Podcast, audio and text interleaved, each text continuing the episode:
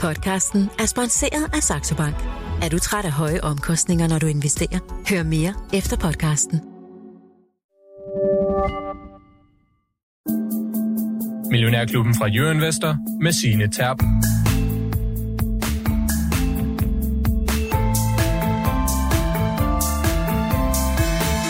Når du smider en fond eller en aktie i indkøbskurven, ved du så egentlig, hvad det koster i gebyr at købe og beholde den.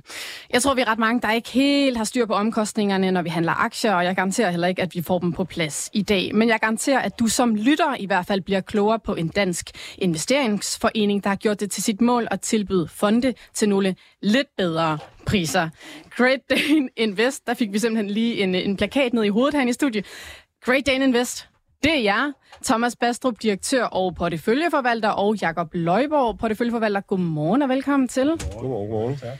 Vi skal dykke ned i jeres øh, strategier, hvordan I udvælger aktier senere i udsendelsen, men allerførst Great Dane Invest, det er sådan relativt nystiftet i 2014, tror jeg, I har, I har startet, du Thomas Bastrup i hvert fald har startet det. I har begge to en historik i finansbranchen, der går længere tilbage end det. Mm. Thomas Bastrup, uden at det skal blive sådan en lang CV-opristning, hvad er det, du har lavet, inden du øh, stifter sådan en øh, Jamen, fond? Øh, jeg har været rundt om bloggen, og jeg startede jo øh, øh, faktisk øh, lidt i medierne, øh, og har været forbi øh, Nykredit, eller det vil sige, jeg er jo landmandssøn over for Kolding, tog til København og læste min polit, som jeg forstår er lav øh, værdsætter. Øh, og så øh, arbejdede jeg i, øh, i øh, Øh, finanssektorborger, og så tog jeg til USA og læste sådan en uh, toårig MBA, og så havnede jeg lidt i en produktionsvirksomhed der, og så rejste jeg hjem og lavede mere investering, og så var jeg i forskellige jobs, har også investeret i unoteret i kapitalfondsbranchen, øh, øh, branchen, hvis man kan sige det sådan, og, og så på et tidspunkt øh, kom jeg tilbage til, øh, til det med at, at lave en investeringsforening, øh, som den oprindeligt var tænkt, kan vi godt lige at sige. Ja, For vi sådan, synes jo, det er en genial opfindelse, sådan en investeringsforening. Men og det lad os vende tilbage Ja. til det der, som den oprindelige var tænkt, fordi det skal jeg nemlig spørge jer om lidt senere, Jakob Løjborg. Hvad, hvad er din baggrund? Hvorfor er du en del af Great Dane Invest? Jamen, jeg har været i branchen i, øh, i 20 år, og øh, startede i PFA-pension, og var der i syv år, og så kom jeg til Spar Invest i 2013, og, og havde øh, ansvaret for vores, undskyld, 2007, og så var jeg der i 13 år, og havde ansvaret for vores Spar Index-afdelinger og for vores kvantitative afdelinger, og udvikle der vores, øh, vores afdelinger, vores strategier, og jeg fyldte min værktøjskasse op. Og, øh, og det har så gjort, at vi i dag har lavet et, et produkt, øh, Thomas og mig, som hedder Index Plus, så vi i dag har tre produkter i, øh, i vores lille investeringsforening. Yes, og de produkter, dem dykker vi altså ned i lidt senere i udsendelsen. Men lad mig så lige vende tilbage til det der. I kalder jer selv en investeringsforening, som den oprindeligt var tænkt. Thomas Bastrup, hvad i alverden ligger der lige i det? Jamen, der ligger det i det, at øh, vi synes, at investeringsforeninger i bund og grund er en genial opfindelse. Altså, når mange små investorer går sammen i flok, så kan de få lavere omkostninger og mere ekspertise, og dermed også højere afkast. Og det vil sige, sådan i hele træskolængder, så kan du sige, øh, at øh, øh, når de går sammen, så burde de kunne, når formuen vokser, komme ned på, på måske en halv procent eller lavere i, i omkostninger for en aktiv forvaltet global aktiefond. Der ligger de store institutionelle investorer som PFA og ETP og de andre. Og øh, det ser vi bare desværre aldrig i praksis. Der er jo en kæmpe stordriftsfordel ved at, at lave kapitalforvaltning. Du kan sige, Jacob og jeg, vi, vi har jo samme arbejde ud af at investere 10 millioner i, i, i en aktie, som at investere 20 millioner i mm. den samme aktie, afhængig af, om den skal analyseres osv., men samme arbejde. Og den skalafordel, der er det, at vi gerne vil give øh, investorerne en større øh, andel af den. Øh, fordi i dag, så ser du ikke, at, at omkostningsprocenten falder, når formuen stiger særlig meget, i hvert fald i aktiv forvaltning.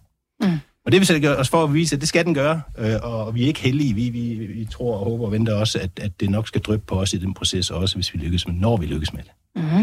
Ja, og hvor mange penge er det så, I har under forvaltningen lige i øjeblikket, Jakob Løjborg? Er det noget, du har, du har tal på? hvor højt vi skal I op? har, Vi har lidt over 800 millioner i dag, men det skal, det skal blive meget, meget større. Øhm, altså, vi har store forventninger, specielt til, til Index Plus øh, har vi store forventninger. Vi har selvfølgelig også forventninger til value-afdelingen, men, men, men, det er jo, men value-afdelingerne henvender sig til lidt mere snævert øh, kundesegment, end Index Plus henvender sig til. Mm. Øh, så der er, altså, der er næsten ikke den investor, som ikke kan have gavn af, af vores Index Plus-afdeling. Så det, det forventer vi kan blive rigtig, rigtig stort. Og hvis vi sådan lige sætter det hele på spidsen, altså der er jo et utal af alle mulige kapitalforvaltninger og foreninger, og man kan jo sat med smide sine penge i alt muligt. Hvis du skal pinpointe det, Thomas Bastrup, hvad er så lige præcis jeres berettigelse til at være en kapitalforvalter? Altså, hvor er det, I kan slå alle de andre? Vi, vi, vi giver, giver professionelle investeringsprodukter øh, til professionelle priser, tror jeg er et udtryk, som Jacob godt kan lide at bruge, men de skal være tilgængelige for alle. Det er ikke sådan, der er én fond til dem, der kommer over 100 millioner. Øh, der er en til dem, der kommer fra 10 til 50 til private banking-segmentet, og der er en til retail-investorer med forskellige omkostningsprocenter. De penge, vi får ind i vores investeringsforening, de går alle sammen ned i samme portefølje, det vil sige, at stordriftsfordelen kommer til udtryk og bliver delt med investorerne mm. frem for at beholde af produktudbyderen. Okay, så alle er altså lige over hos Great Dane Investor. Vi vender tilbage til jer lidt senere i udsendelsen, og hvis man har spørgsmål til os, der står herinde i studiet i dag, så er sms'en åben. Nummeret det er som altid 42 42 03 21. Bare du husker at starte din sms med Miu, så lander den nemlig herinde hos mig. Og Lars Svendsen, ja, fast porteføljeforvalter ja, i Millionærklubben og en del af Svendsen Tudborg. Vi er også beriget med dit selskab det er vi, her ja. til morgen, så lad os da lige komme en ja. tur ud på de markeder. Hvordan står det ja, til? De, de, de er lidt positive øh, stadigvæk, øh, og øh, faktisk nu har Asien øh, har jo ikke rigtig været med i det her run i USA. USA er jo på øh, det meste af det på all-time high nu, og det er tyskerne jo også. Men øh, vi er nogle lande, blandt andet Danmark, som hænger lidt bagefter, men, øh, men der er Asien altså også øh, ikke, de er ikke med i, i front. Øh, så, så, men men øh, de, de begynder også at, at løfte, blive zoomet. Måske mere, det er måske mere passivt, øh, at de ligesom bare følger med nu.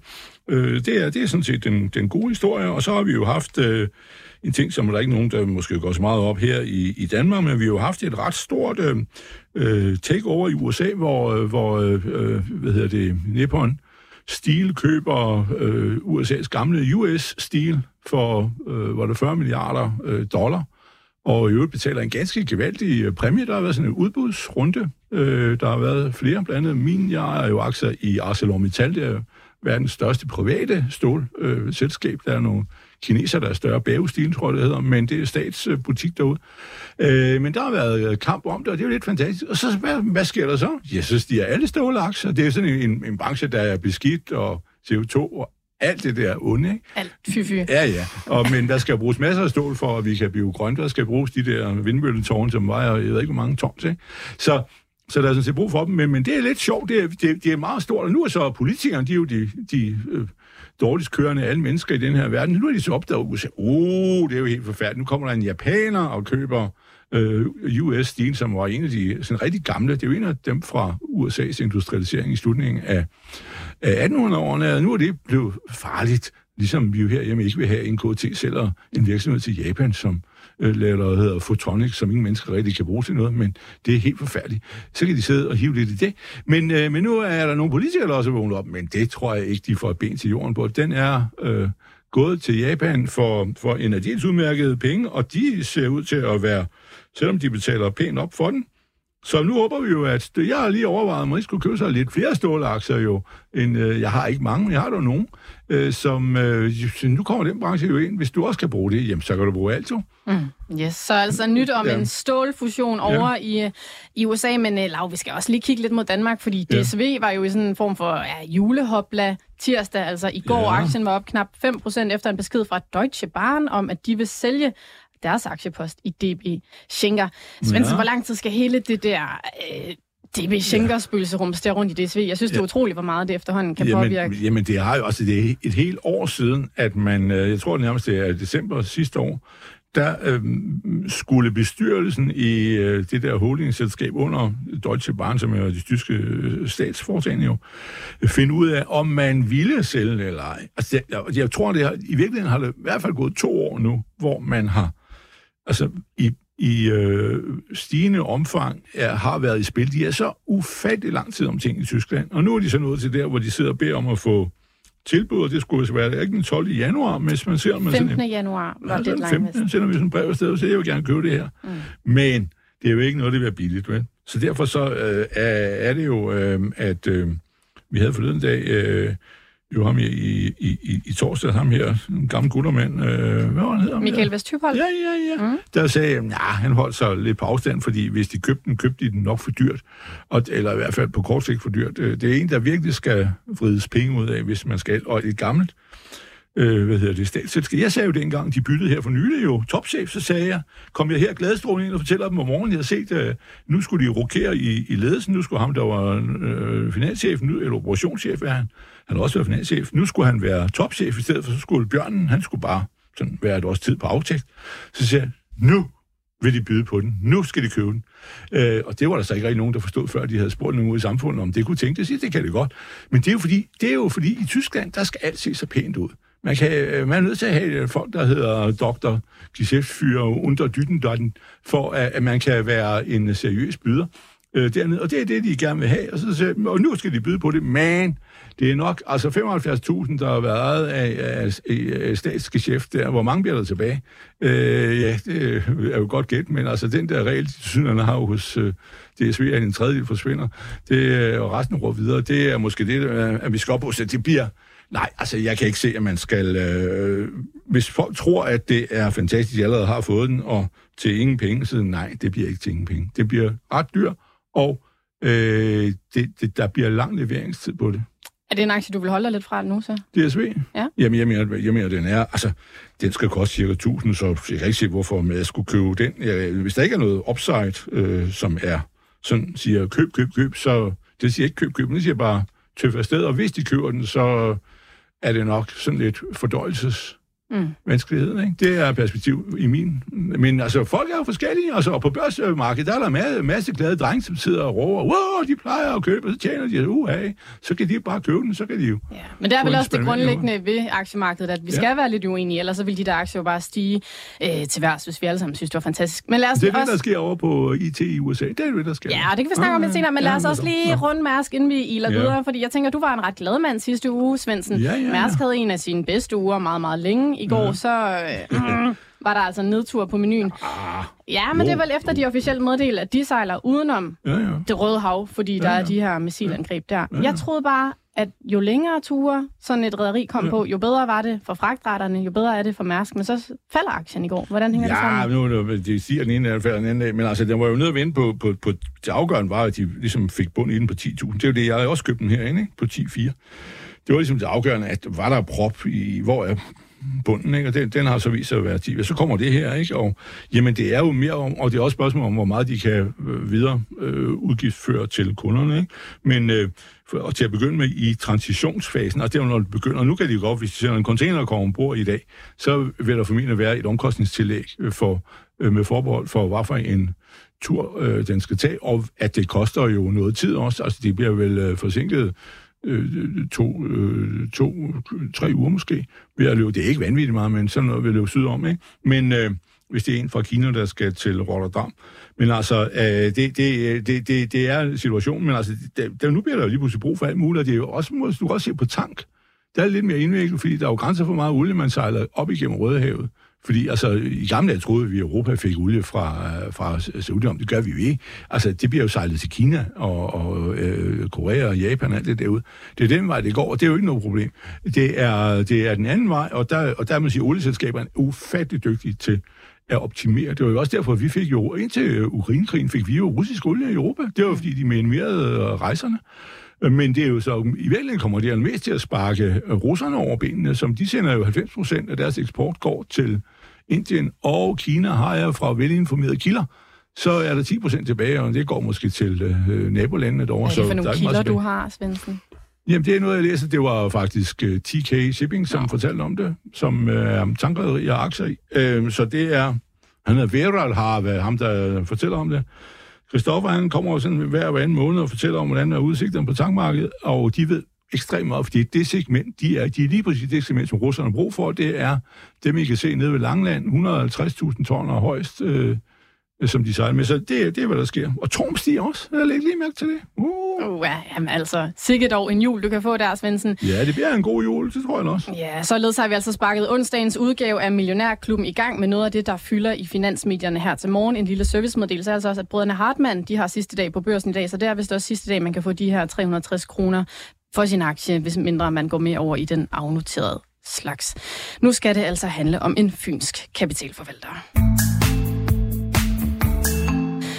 Great Dane Invest vil give verdens største kapitalforvalter BlackRock kamp til stregen, og med et glimt i øjet, der kalder de så også ETF-knuseren fra Fyn. Ja, ambitionerne de fejler heldigvis ikke noget blandt mine gæster i studiet i dag, men hvordan udvælger de aktier? Hvordan er det gået med afkastet? Og måske vigtigst af alt for sådan nogle prisbevidste sønderjyder som mig selv, hvad koster det? Jakob Løjborg. I har flere produkter på hylderne ude ved jer, fortalte du lige før. I har tre produkter. Du står i spidsen for det ene, det der hedder Index Plus. Prøv lige at fortælle os lidt om det. Jamen, Index Plus er, som, som navnet jo lyder lidt, det er et, øh, et indeksprodukt, primært et indeksprodukt, og det skal følge MCI World. MCI World, det er jo verdens mest brugte benchmark, og det vil vi gerne, rigtig gerne følge meget, meget tæt. Men i fremtiden, så er det altså ikke nok kun at følge sit benchmark tæt. Øh, vi mener også, at man bliver nødt til at levere et højere afkast, så det er det, vi gør med Index Plus. Derfor har vi kaldt det et plus til sidst. Altså, vi skal følge MSCI's World så tæt, så der ikke er nogen, der opdager, at det ikke bare er et rent indeksprodukt, og så skal vi altså skabe et mere afkast ovenpå. Og så skal det, vi, vi stadigvæk være super, super billige, fordi det er også nødvendigt at være i fremtiden. Øh, super, super billige. Øh, og det, måske er vi det billigste aktieprodukt i Danmark. Ja, det var noget af en påstand. Hvad koster det? Ja, men øh, altså, det, det kan vi snakke om, han altså, det vil sige, det kan vi ikke, men det koster... De løbende omkostninger er helt nede på, på 0,05 procent om året. Altså, okay. altså ikke 0,5, men 0,05 procent om året. Og det er, det er de omkostninger, som, som vi, vi tager løbende. Ikke? Men altså, vi har jo valgt en model, hvor vi primært vil modtage betaling, når vi leverer noget ekstra godt. Altså, når vi, vi leverer det her mere afkast, som, som vi siger, vi kan. Øh, så, så vores målsætning, det er jo at, at levere et mere afkast, og i det tilfælde, at vi gør det, øh, så vil vores investorer formentlig observere et afkast i, i top 10 procent mens de samlede omkostninger stadigvæk vil være utrolig lave, helt i bund.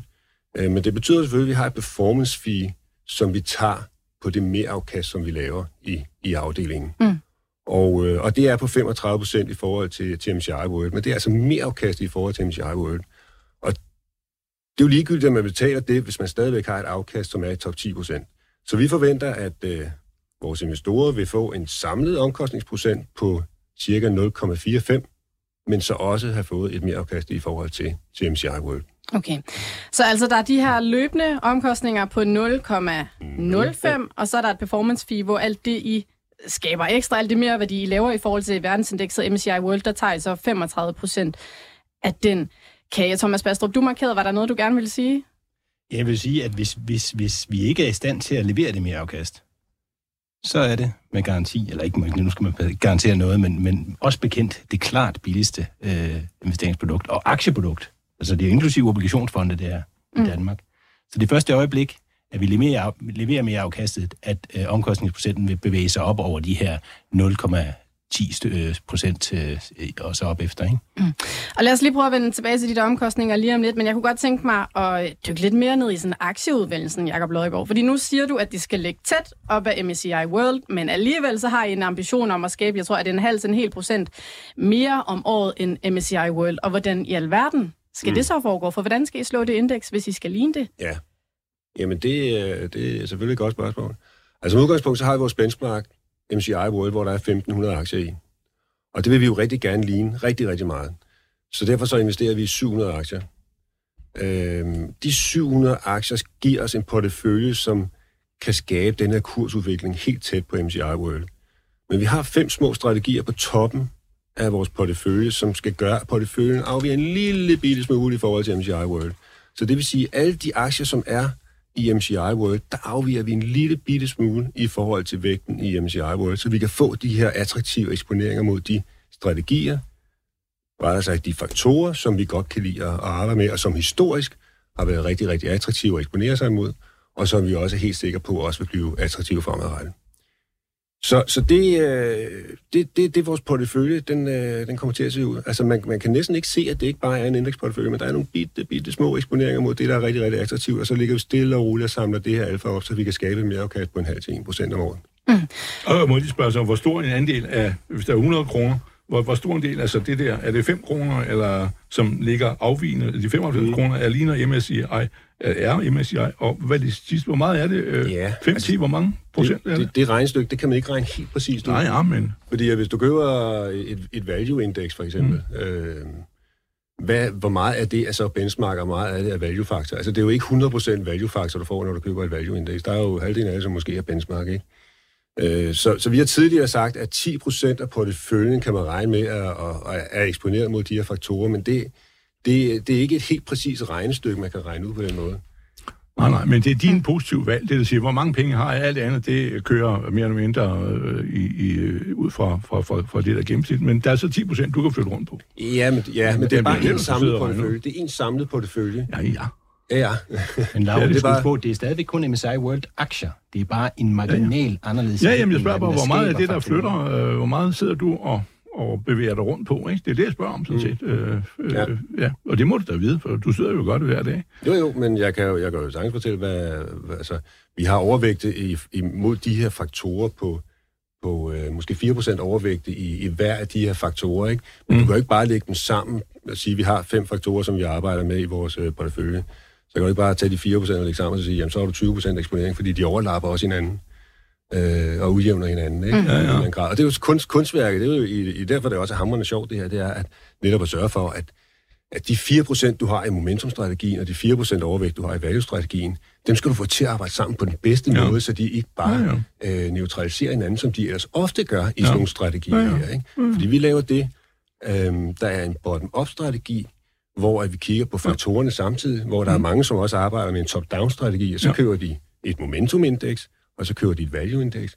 Når de så kombinerer de to, så ender du med, at du har, har neutraliseret dine faktorer, fordi at hvis du køber et value-indeks, så er det typisk dårlige momentum-aktier, mm. og Ja, ja. Mo- momentum-indeks typisk er dårlige value-aktier. Ikke? Så derfor mener vi, at man skal arbejde øh, på den måde, som vi gør, hvor vi kigger på, på det hele samlet. Øh, men, men som sagt, man kan, ikke, man kan ikke helt præcis regne ud, men altså, som udgangspunkt, så ligger vi måske og overvægter øh, hver faktor med 4 procent. Og nu har vi sådan kredset lidt som katten om den varme grød. Du siger det her med, at I har nogle fire faktorer, som skal skabe jer det her mere afkast. Jeg kan. Prøv lige at få dem på bordet. Hvad er det for nogle faktorer, som du så sidder og putter lidt ekstra ind af i det her Index Plus produkt? Jamen, det, er- det er sådan nogle klassiske faktorer, øh, som har eksisteret i, i over 50 år, og nogle af dem har faktisk øh, eksisteret i over 100 år, og eksisteret på den måde, at de har vist, at de kan skabe et mereafkast i, i over 100 år. Det er value, det er momentum, det er size, altså size forstået sådan, at man undervægter de store aktier og overvægter dem, der er lidt mindre i benchmark, og så er det minimum volatility. Det er de klassiske, og så har vi så også øh, implementeret ESG, øh, ESG har den ulempe, at det ikke har eksisteret i 50 100 år. Øhm, så, så der, der har vi så, øhm, ja, det er den femte faktor, ikke? og så har vi så den sjette faktor, som, som ikke er sådan en porteføljefaktor, men som vi bruger, når vi ligger og, og dagligt faktisk arbejder med porteføljen, så har vi sådan en rebalanceringsfaktor, som ligger på, øh, på toppen af de her fem øh, strategier, og sørger for, at vi øh, dagligt kommer tættere på benchmark, når vi handler, Øh, vi kommer tættere på de faktoreksponeringer, som vi gerne vil have, men faktisk også kan skabe lidt mere afkast, når vi ligger og handler hver eneste dag. Mm. Og det er jo sådan lidt, øh, øh, lidt utraditionelt at, komme og påstå, at man kan skabe mere afkast, når man handler, men det kan man rent faktisk. Hvorfor er det utraditionelt at påstå det? Det er vel det, I er sat i verden for? Ja, jamen, når, jeg, når jeg siger øh, utraditionelt, så er det fordi, at man køber selvfølgelig aktier, som man tror på kan skabe mere afkast på en lang bane, men det her med at, at handle bare for at skabe mere afkast, det er utraditionelt. Altså, vi, vi, vi catcher noget alfa ind på en meget, meget korte bane. Øh, det, det er lidt utraditionelt. Men det kommer faktisk helt tilbage fra, da jeg var i Spanien, der begyndte vi for 10 år siden at, at handle intelligent, som vi kalder det, i, i vores indeksafdelinger. Fordelen, når man har de her store porteføljer, som vi havde i Sparinvest, i Sparindeksafdelingerne, hvor man har flere hundrede aktier, og som vi også har nu i Index Plus, hvor vi har 700 aktier. Fordelen er, at man har ikke, øh, der er ikke kun én aktie, man kan lide at købe ind i. Altså, jeg kan jo bruge flere hundrede aktier, når jeg skal ud og handle hver eneste dag, fordi min portefølje er så stor. Så derfor så er der ikke, jeg har ikke noget pres på for, at det skal absolut være øh, Pfizer, jeg skal købe, eller en anden aktie. Jeg kan lide, som sagt, flere hundrede aktier. Så jeg tager det stille og roligt. Jeg handler intelligent på den måde, at jeg lægger nu handler i markedet. Måske bliver de gjort, måske mm. bliver de ikke gjort. Jeg stiller mig til rådighed i markedet, jeg stiller likviditet i markedet, opfører, nærmest, opfører mig nærmest som en market maker, kan du sige. Ikke? Og det bliver man så belønnet for ved at få et, øh, et lidt højere afkast øh, på, den, på den korte bane. Så der ligger vi også lige og, og høster lidt, lidt alfa den vej rundt. Yes. Vi har allerede fået et, øh, et spørgsmål ind fra Christian, som går på jeres det her Index Plus-produkt, øh, Jakob. Han skriver, tak for et godt program. I forhold til Great Dane Invests Index Plus-produkt, hvad har det historiske mere afkast været? Og jeg tænker, det er jo sådan et ret relevant spørgsmål. Altså har I så slået det her MSCI World Index, som I holder jer op mod? Mm. Altså, vi har jo eksisteret i lidt over to år. Og for en investor har afkastet været rigtig, rigtig godt. Man har fået et afkast, der er 5% bedre end kategorien, og kategorien det her globale aktier. Øh, og det er i den bedste fjerdedel, når man måler på afkast. Hvis man blot havde købt nogle faktorindeks, som svarer til de faktorer, vi eksponerer os imod, så har man fået et 1% dårligere afkast. Øh, så vi er sådan set rigtig godt tilfredse med det, vi har kontrol over, men vores afkast er 0,2% efter MSCI World. Og det er, jo, det er jo selvfølgelig ikke særlig meget. Siden men... I gik i luften? Eller i år? I år, øh, siden vi gik i luften, okay. øh, siden, siden start, ikke? Mm. Annualiseret, ikke? Øh, så og vi vil jo op og levere det her mere afkast i forhold til MSCI World. Så derfor så er vi jo selvfølgelig lidt skuffet på, på, øh, på den her toårshorisont, øh, at vi er en lille smule efter MSCI World. Men det tager vi fuldstændig stille og roligt, fordi vi kan jo forklare, hvorfor at, øh, at porteføljen har haft det svært. Altså specielt 2023 har jo været et, et crazy år øh, for faktorinvesteringer. Måske så bliver det det værste faktorår i 50 år for, for faktorinvesteringer. Og det skyldes jo selvfølgelig, at øh, de her 10 største aktier i USA, de bare bliver ved med at bulle ud af og, og stjæler ja. faktisk øh, alle afkastet. Og det gør det svært øh, mm. for alle aktive forvaltere. Øh, fordi at hvis man er aktiv forvalter, også man har sådan nogle kvantstrategier, som vi arbejder med i Index Plus, så er det jo ikke de store aktier, man vil overvægte. Så vil man gerne ned og arbejde lidt længere nede i segmentet, nede i midcap og smallcap. Det er der, man finder sine, sine attraktive aktier. Så, så alle har haft det svært i, i den her periode. Men det her med, at det er de øh, syv søstre, altså de her syv store tech-selskaber, der virkelig har rykket hele verdens aktiemarked i år, altså det har jo været noget, vi har vidst, jeg har lyst til at sige sådan, det har vi vidst i noget tid, og de fylder jo også mm. ret meget ude hos jer, fordi I jo følger det her indeks, ligger ja. ret tæt op af det. Men har det givet anledning til, at du har øh, overvejet at skrue lidt op for det, eller på en eller anden måde ligge der lidt anderledes, Jacob? Nu ved jeg godt, det er et meget mm. passivt mm. produkt, men alligevel? Nej, overhovedet ikke. Altså tværtimod. Øhm det gode ved Index Plus er jo netop, at du faktisk får eksponering mod de her aktier, men vi sørger så for, at man får en lille undervægt i de her store aktier. Og, øh, giver det mening? Vi, ja, men det giver, det giver super godt mening på den lange bane. Det er jo klart, at hvis man kigger de sidste 10 år, så har en strategi som size været i, i modvind. Øhm, og, og nu skal du huske, den med den markedsværdivægtede indeks, som hovedparten af verdens ETF'er jo er. Ja, ja. Fordi det er, jo, det er jo den ren matematiske forklaring på. Prøv at komme med den forklaring. Jamen, vi, altså, der, er, der er to af de faktorer, vi arbejder med, som, som vi kalder matematiske, og som vi påstår, øhm, at tyngdekraften har fat i, og derfor altid vil give et mere afkast. Og den ene af dem, det er altså den her size-faktor. Det er sådan, at vi jo, altså de fleste markedsdeltagere, de mener jo, at på den lange bane, så er markedet perfekt, forstået sådan, at så er der et anker i aktierne, som de søger hen imod. Det vil sige, at det ikke er casino, det her aktiemarked. Men på en korte bane, så, så kan det godt opføre sig lidt anderledes. Aktierne kan afvige i forhold til deres rigtige værdi på en lange bane. Så hvis nu vi øh, lader som om, at vi har et indeks, hvor der er 100 aktier, og øh, vi antager, at halvdelen af de her 100 aktier, de er priset for højt, og den anden halvdel er priset for lavt, så vil du, hvis du investerer lige meget i hver af de her aktier, investere 50% af din kapital i dem, der er priset for høj, og 50% af din kapital i dem, der er priset for lavt. Øh, det håber jeg, øh, at man godt kan se. Mm-hmm. Næste påstand er så, at et markedsværdivægtet benchmark, der vil du faktisk investere meget over 50% i dem, der er priset for højt. Og, øh, og det kan jeg prøve at forklare ved at sige, at hvis nu to af de her aktier, deres rigtige værdi er 5%, men den ene er priset for høj, så den ligger og udgør 6% af benchmark. Den anden er priset for lavt, så den udgør 4% af benchmark. Hvis jeg køber lige meget værd, så køber jeg jo lige meget værd, men hvis jeg er markedsvægtet, så køber jeg jo 6% i den der priser for høj, og 4% i den her priser for lavt. Så der, der kan man se, at man får købt for meget i dem, der er for dyre. Øhm, det har vi faktisk skrevet et lille notat om, som vi har lagt ud på vores hjemmeside. Så, så hvis man synes, at jeg har forklaret det ualmindeligt dårligt her, så kan man, så kan man, øh, så kan man prøve at, at gå ind og, og læse det notat og se, der er et super godt eksempel, som viser øh, det her ret tydeligt, og som forhåbentlig kan, godt kan, kan, kan give folk den indsigt, okay, der er altså noget her, som rent faktisk øh, er super, super interessant, og, og gør, at man faktisk kan opnå et mere afkast med sikkerhed på den lange bane ved at undervægte de store aktier og overvægte de lidt mindre aktier.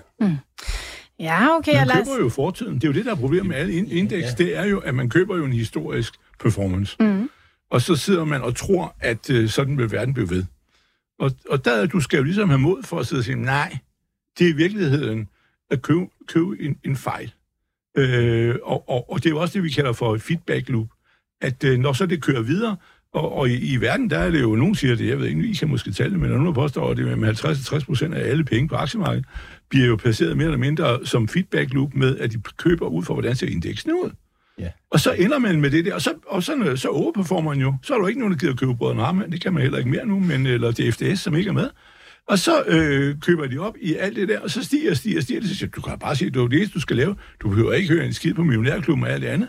Det er bare gør, som, øh, som øh, du har en hel liste, du bare køber efter facitlisten. Ikke?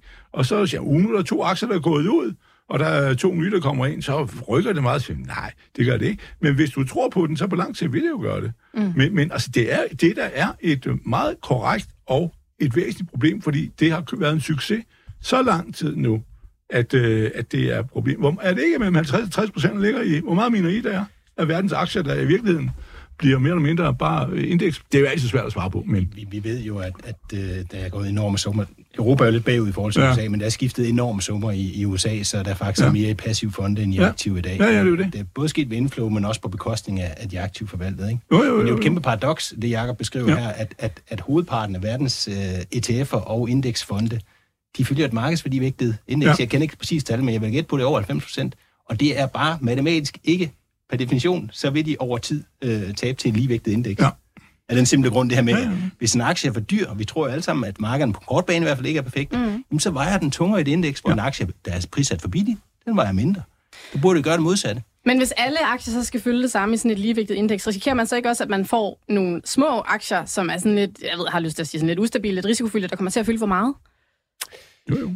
Ja, det det kan sige. nødvendigvis Jeg bare... ved ikke, det siger, det skal være lige Det skal ikke være ligevægtet, men, men altså, man, man kan udnytte i hvert fald øh, det, den her effekt ved at sige, okay, jamen øh, markedsværdivægtet øh, benchmark, det er super, super fedt, men 10% investerer jeg altså ligevægt, ligevægt i stedet for. Ikke? Så får du en eller anden kurve, som øh, mm. måske kan være rigtig, rigtig attraktiv. Vi går heller ikke ind og investerer ligevægtet i Index Plus. Altså, vi går netop ind og siger, jamen, de største aktier undervægter vi lidt, og så når vi kommer lidt længere ned, så undervægter vi dem stadigvæk med lidt mindre, og så når vi kommer jo længere ned i bunden, vi kommer, jo mere overvægter vi, men det er jo bare en lille bitte smule, vi ligger og tilter rundt her, ikke? Mm. Og, det, og det fede ved small cap er jo så, nu spurgte du så, om, om jeg blev nervøs, nej, tværtimod, eller ikke tværtimod, men, men jeg har det jo sådan, at det, det er jo, den skylder jo noget, den faktor. Altså, det er jo, det er jo, det er jo ikke alle faktorer, der skylder noget, men, men small cap-faktoren, mener jeg, size-faktoren, som jeg egentlig nok bedre kan lide at kalde den, skylder noget, fordi at hvis, hvis vi presser de store op, så skal de altså ned på et eller andet tidspunkt igen. Og hvis de ikke skal ned, så skal de andre i hvert fald med op på et eller andet tidspunkt. Så der kommer noget tilbage igen.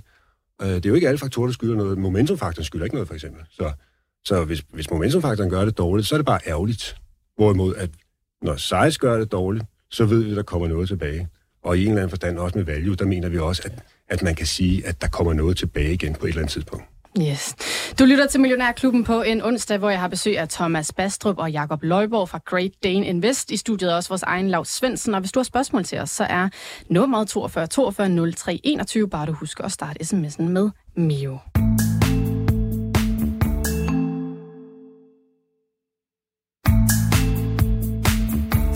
Ja, lad os lægge den der Index Plus lidt på hylden, fordi køb en aktie, der er undervurderet af markedet, og sælg den igen, når markedet har fået øjnene op for den. Det er vel sådan nogenlunde essensen i value-investering, og så nogle to fonde, dem har jeg altså også ude i Great Dane Invest, en global og en europæisk en.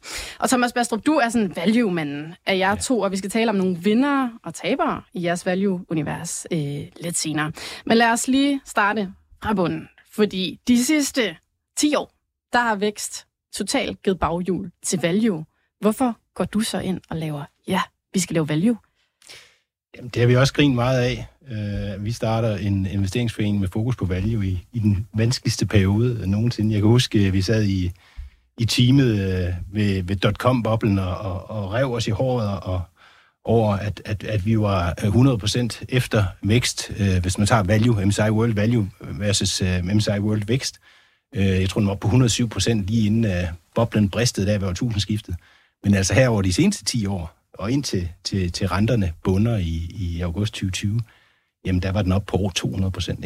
Mm. Og det er jo drevet af de øh, large cap øh, tech-aktier, øh, som, som, som har haft stor succes i, i USA, og måske opnået noget, der kan minde om monopol eller duopol-lignende situationer.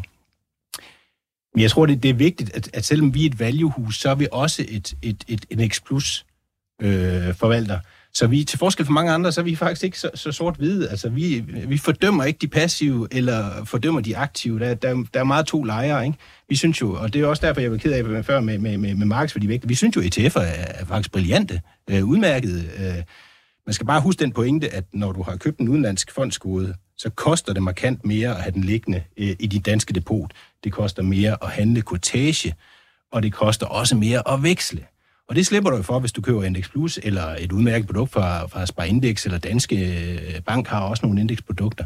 Men du skal faktisk holde, en, en, selvom en udenlandsk global ETF koster 0,2 procent om året, når du kommer, alle de omkostninger, der kommer bagefter, for dig som dansk bankkunde, så, så skal du altså holde den i over fire år, før du kommer ned under 1 procent. Mm. Så det er ret voldsomt. Det er jo også en, en, en fin lille beregner, der viser inde på vores hjemmeside. Så der er en. Men igen, vi synes grundlæggende, at passiv investering også er godt. Value, det var det, du spurgte om. Jamen, det er jo en, øh, en, en faktor, som, som øh, har, har gået sin sejrsgang i flere år. Man har 100 års øh, plus øh, dokumentation for, for både empirisk og øh, akademisk øh, øh, hvad hedder det, øh, videnskab bag sig, som, som, som har givet outperformance. Men det har været vanskeligt. Øh, det er jo klart, når man øh, os, der sidder og sætter prisskilte på aktier i det daglige, vi, der bruger øh, langt hovedparten jo renten som input. Og når du sidder og kigger på en, en super tech-aktie der, som koster 100 gange indtjening, så er den her forventede vækst, fuglene på taget, de er jo væsentligt mere værd end renten. Man tilbage diskonterer de forventede fremtidige pengestrømme med af en, i stedet for 4-5 stykker, hvor den ligger nu. Og det er også det, man siger, vi, vi, har jo, øh, vi, vi har jo som kategori øh, uh, value-investorerne haft det vanskeligt uh, her efter finanskrisen, fordi renterne har været banket sådan i bund. Så kom covid, og så skulle regeringen jo lige hjælpe en ekstra tand, og ja, den amerikanske uh, rente var helt nede på en halv procent der og begyndte at kravle op igen i august 20. Og siden da, der har du set effekten. Altså, vi, er, vi er, ligger øh, for de tre år helt i top. Øh, altså, vi ligger med, med, fint med i forhold til value benchmark, siden vi startede. Men det generelle marked, det er jo det, vi skal slå. Vi skal jo skabe noget værdi for vores investorer. Og siden øh, de tre år, hvor, hvor renten har været stigende, jamen der har det igen været sådan, at value og, og small cap har, har outperformet ganske markant. Og jamen, vi blev nummer en, øh, var det 21, vi blev nummer et af ud af alle danske fonde, der er op 800 plus øh, i øjeblikket, hvis du tager for øh, altså, fondskoder med ind i, øh, i FR-regi. Ikke? Så du så lige pludselig, at de valgforvaltere, der havde ligget lidt øh, frem til renten begyndte at stige, jamen de tordnede den anden vej. Ikke? Nu er den vendt lidt igen i år, men vi, vi er jo lige så trygge. Det, det der er det vigtigste ved vores forening og vores øh, strategiske tilgang, det er, vi ryster ikke på hånden. Vi er, øh, til forskel mange andre, så vi, vi er traditionel dyb value, vil jeg kalde det billige pengestrømme osv. Du siger. Så når Federal Reserve går ja. ud og siger, uha, vi kommer til at sænke måske renten tre gange næste år, og du har lige sagt det her med uha, lavere renter, mm. så, så får value det lidt svært. Det får dig heller ikke til at ryste på hånden, eller tænke, at I skal, I skal gøre noget anderledes? Ja, ja, ja, jeg kan ikke lige at spå om renteudviklingen, fordi dem, selv dem, der, der ikke beskæftiger sig med anden, kan, kan ikke rigtig finde ud af det, men uh, lige nu ser vi jo ikke nogen grund til, at den uh, rente skulle sænkes, uh, om det kommer tre eller fire. Det du kan sige er, når renten bliver sænket fra måske 8-10 procent til 2 procent, så gør det en forskel øh, væsentligt mere, end, end hvis du går fra 3 til 2 eller fra 4 til 2. Ikke? Mm. Og det er jo det, du har set, de er ekstremt. Altså, penge har været gratis. Og det er noget andet, der også vil styrke øh, en investeringsstrategi som value, hvor vi også har fokus på, at det er langtidsholdbart og finansielt stærkt. Altså ikke for meget gæld. Så der er rigtig mange øh, virksomheder, der skal til at betale højere rente på deres gæld nu, øh, ligesom danske boliglåntager øh, har, har skuldet. Ikke? Og det kommer vi også til at se, det tror vi også kommer os til gode. Så det er et ekstrem, men og hvad der lige sker på foråret næste år, det, det, det, vi, bliver, vi laver det, præcis det, det, vi laver. Det lader vi økonomerne ja, ja, ja, ja. spå om. Jeg, jeg læste i går, at, øh, at man mener, at markedet faktisk kan prise ind, at der er øh, 67 procent sandsynlighed for, at der vil komme en rentenedsættelse til marts.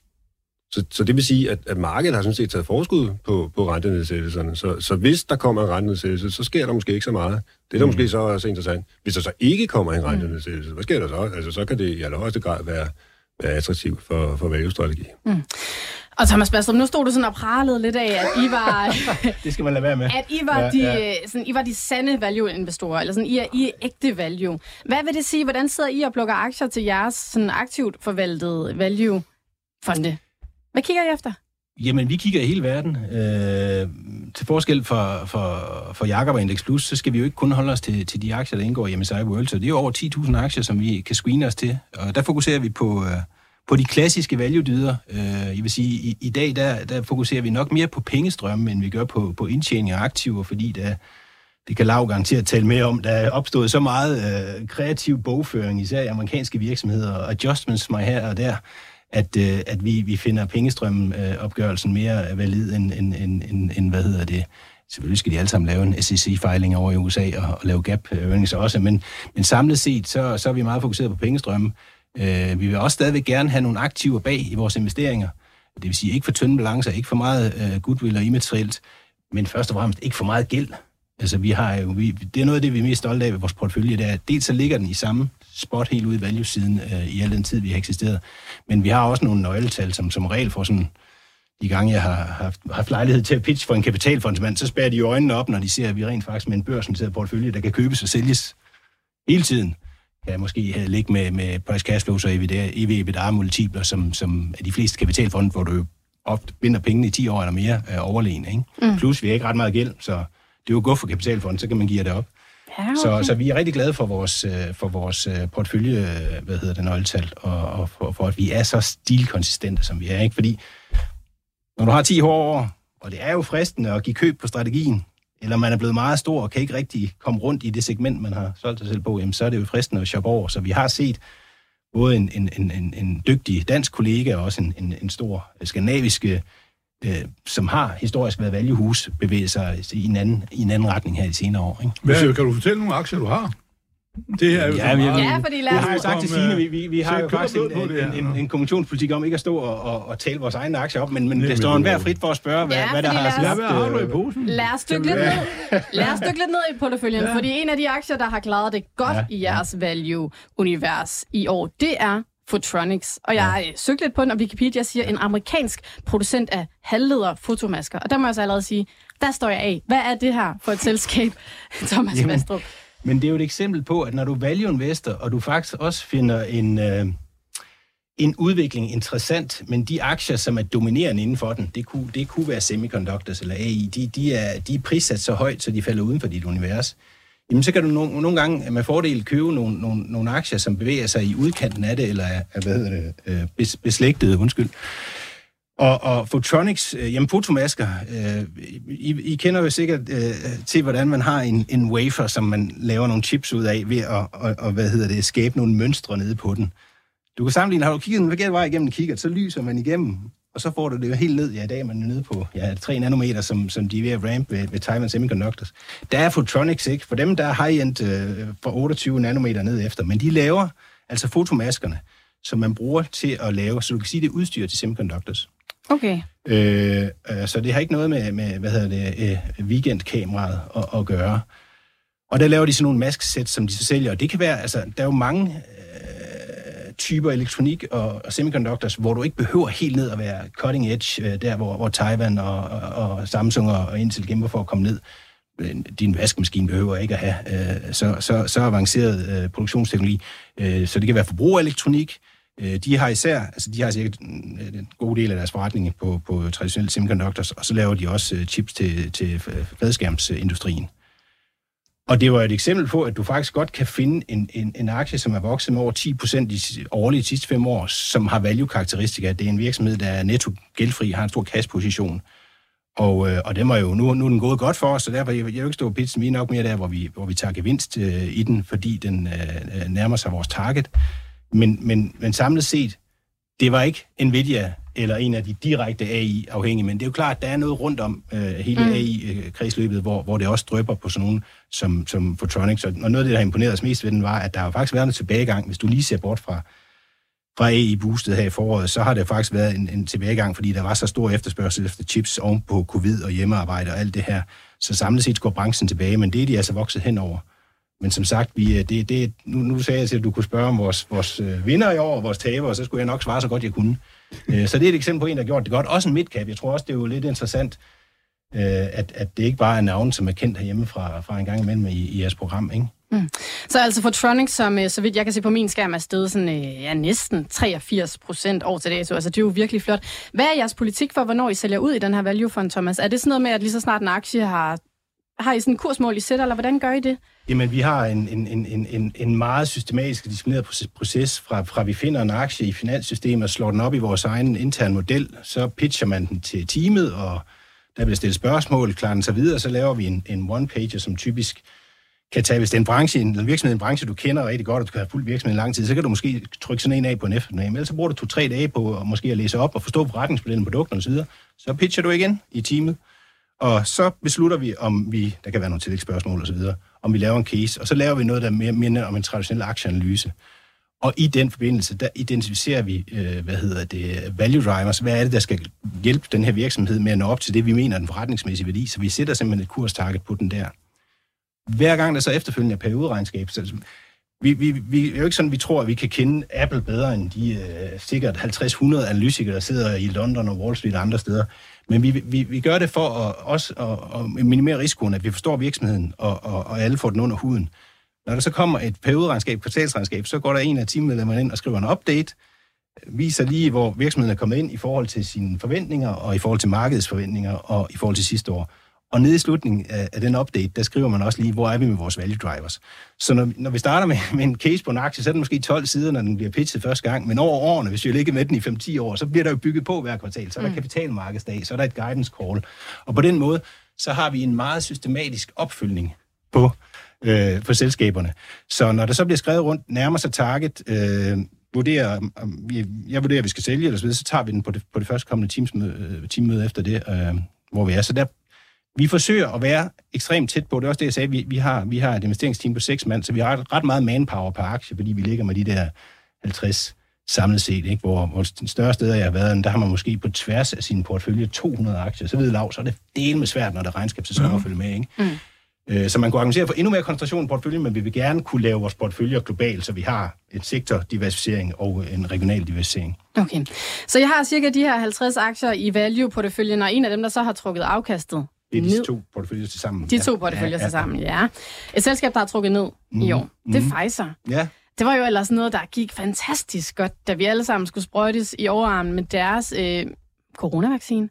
Hvorfor, øh, hvorfor har de så svært ved at komme igen? Og hvorfor har I dem liggende i porteføljen? Jamen, vi var jo også, øh, hvad hedder det... Øh, altså for det første vil jeg sige, vi købte Pfizer i, jeg tror, lige omkring årsskiftet 17-18, måske lidt efter. Så det var ikke, det var ikke en corona-investering for okay. os. Så I har været med under opturen? Ja. Så, og vi har været under opturen, og vi har jo vi har det sådan, når, når, når nogle af vores aktier stikker lidt af, som faktisk på mange måder er en helt anden branche, men, men på mange måder kan du sige, de havde et boost af andre årsager. Hvis du tager Mærsk, så var den vel op, var den, det kan du huske, den var godt op over 20. Ja, nu var 24, og så ja, har vi 4.000 i udbytte, så er så reelt 20, ikke? Ja. Og du kan sige, Pfizer var en virksomhed, som lå omsat med måske 40-45 milliarder dollars om året, selvfølgelig med de dejlige dækningsgrader og indtjeninger, man har i, i pharma. Og så røg den jo op på, jeg mener, det var 80, og den kom lige over 100 milliarder, altså mere, mere end en fordobling, øh, så vidt jeg husker, i 21 og 22 på, på covid. Det var lavere margin i den øvrige forretning. Men, men det der, der og, og vi var så heldige, at, at vi har fået, vi har kastet ind løbende, ikke? Øh, når, når den bevæger sig op, typisk når, når en aktie krydser øh, 4-5 procent, selvom vi har øh, et stykke til target, du er klart, du får genberegnet target, siger, det er retfærdigt. Vi har hele tiden haft fokus på den øvrige del af forretningen. Og det, der har været presset den her de seneste øh, stykke tid, det er jo, at øh, dels så, så gik de i byen øh, med en, en tredel strategi for at fastholde noget af den her omsætning. Fordi lige nu, der ligger de omsætter for 60 øh, milliarder cirka, så det er jo stadigvæk øh, 30-50 procent højere end før covid. Øh, mm. Men aktien er jo, er, jo, er jo kommet derned, hvor den er, er hvad hedder det, billigere end den har været i, i, i de sidste 5-10 år. Jeg har købt øh, på 32. september. Jamen, det er fuldstændig rent, hvad du siger. Det er så, så, så, hvad hedder det, du, ja. du kan sige, du har, øh, det man så kan diskutere, du har også fået, ja. man kan høre, ja, ja, ja. det er jo, at, at de også har nogle en masse penge i sidste år, ikke? Så, men de har også, også gået og brugt dem. De har også gået ud og brugt dem. ja. Og, og, og, og, ja. og det, de har også brugt nogle på aktionærerne, det skal siges til deres forsvar. Ja. Men, men det, der er ved, ved Pharma, det er jo svært for os uh, almindelige mennesker, som ikke har PhD'er i, i, i hvad hedder det, mm. lægevidenskab eller, eller biokemi, ja. at vurdere uh, så tidligt. Men de, er blandt andet, de, de har egentlig påtaget sig gæld i gæld her senest Men det, det, de blevet sat ned af, det var, at ledelsen havde forventet at kunne fastholde noget mere øh, fra covid-produkterne, de har. Mm. Fordi de havde regnet med, at cirka en tredje, de skulle kunne ramme 70-80, eller kunne lande på 70-80 milliarder i omsætning, øh, ved in, intern udvikling med en tredjedel, og ind, øh, hvad hedder det, til, tilkøb med en tredjedel, og så covid-produkterne. Det, det, det, det, er ufri, det er en fin forklaring af det der. Og hvad det, men det, de troede på, at Mette Frederiksen også blev sked bukserne en gang til. Det gjorde hun så ikke. Men, Køb coronavacciner. Så de købe noget af det der. Men, nej, men, men, men pointen er lidt, og det er lidt sjovt, også ligesom det minder om den der med indeksene, fordi de har jo så sagt, de tjente så vanvittigt mange penge under coronaen, at de er samvittighed nok til at sidde og sige, at vi skal pløje dem tilbage i ny farme. Og det vil sige, at de i virkeligheden giver deres omkostninger og takeover, de overtaget vist to, eller tre ja, den, selskaber, som er meget dyre.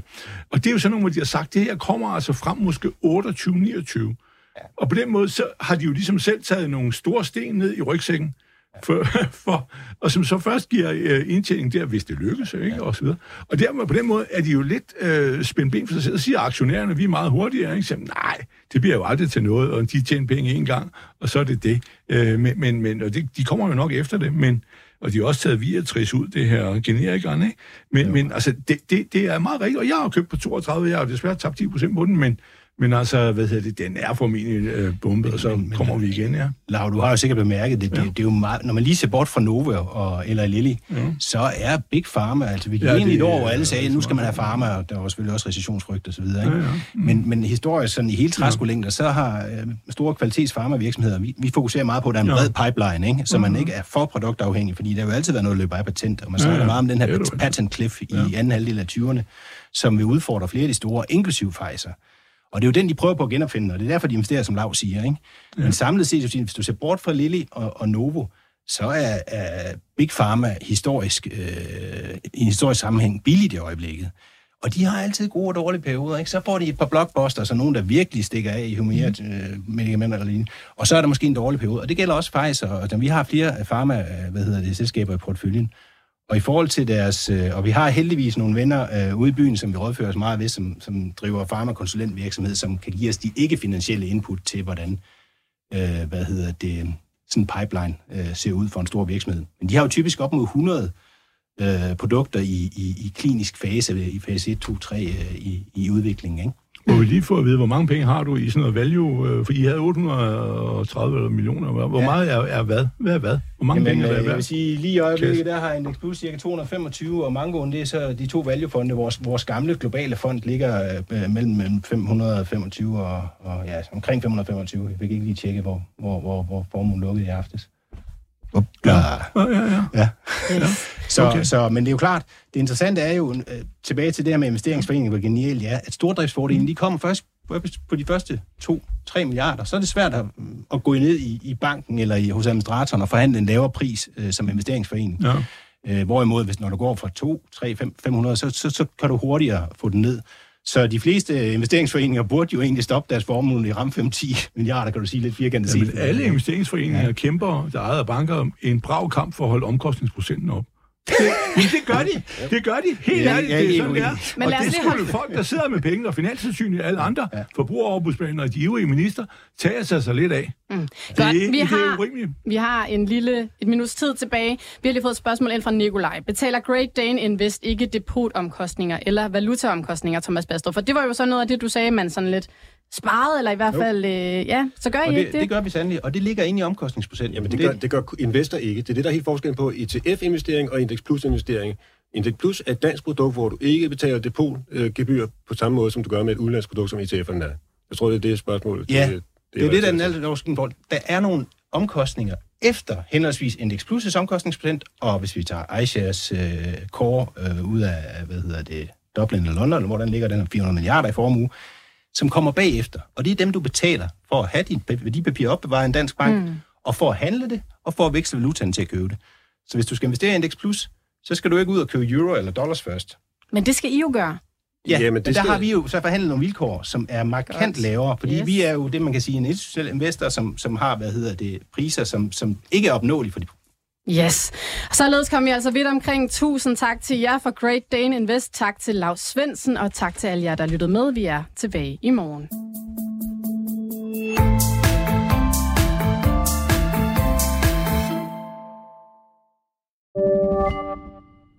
Millionærklubben var sponsoreret af Saxo Bank. Ved du, hvad dine penge helst vil være? Hos Saxo Bank kan du få op til 3,05% i positiv rente uden binding. Bare ved at have en investeringskonto. Det er nemt og gratis at oprette en konto. Der er ingen konto og depotgebyr, og der er ingen binding. Så du kan altid investere eller trække dine penge ud. Kom i gang allerede i dag på saxobank.dk.